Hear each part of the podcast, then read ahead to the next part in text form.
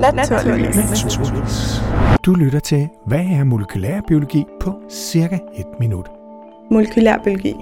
Det er studiet af livets molekyler og de biologiske processer, de indgår i. Molekylærbiologi det handler om livets allermindste byggesten, som alle levende organismer på jorden udgør sig af. Det er altså biologi på den mindste størrelsesorden, på molekylært niveau. Emner, som der særligt er fokus på inden for molekylærbiologien, det er f.eks. DNA, og så selvfølgelig de produkter, der bliver produceret ud fra den information, som DNA'et indeholder, såsom proteiner. Men molekylærbiologi, det handler også om alle mulige andre biologiske molekyler, som f.eks. lipider, altså fedtstoffer, og kulhydrater og meget mere.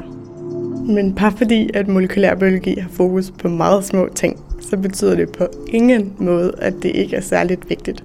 At forstå livets molekyler på det mest grundlæggende og detaljerede niveau, som man jo forsøger at gøre inden for molekylærbiologien, er nemlig helt afgørende for, at man kan finde ud af, hvad for en betydning de har for levende organismer.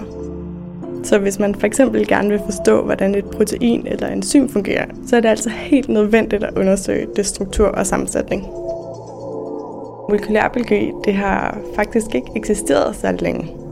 Molekylærbiologi som forskningsområde det opstod først omkring 1930, og i 38 der blev ordet molekylærbiologi brugt første gang til at beskrive det, der dengang var et nyt naturvidenskabeligt fagområde.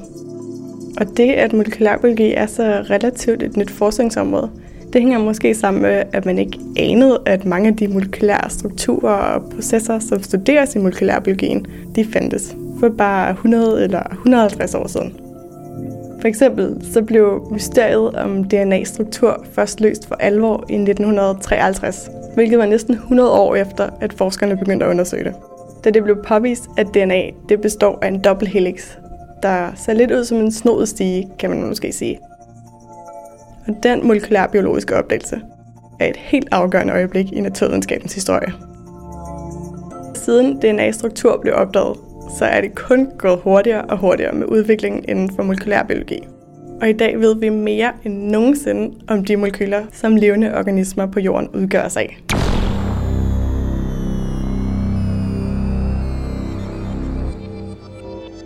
Du har lyttet til, hvad er molekylærbiologi på sådan cirka et minut. Det var Cecilie Magnussen, der fortalte. og jeg læser molekylærbiologi og kommunikation på Roskilde Universitet. Mit navn er Nalle Kirkvåg. Jeg er redaktør og vært på podcasten Naturligvis, og det er jeg sammen med, Cecilie Magnussen. mens det er Frederik Føns Stilling, der har klippet og sounddesignet. På cirka et minut serien er produceret af Polygon Media, en socialøkonomisk medievirksomhed, og det er den i samarbejde med Ro Radio.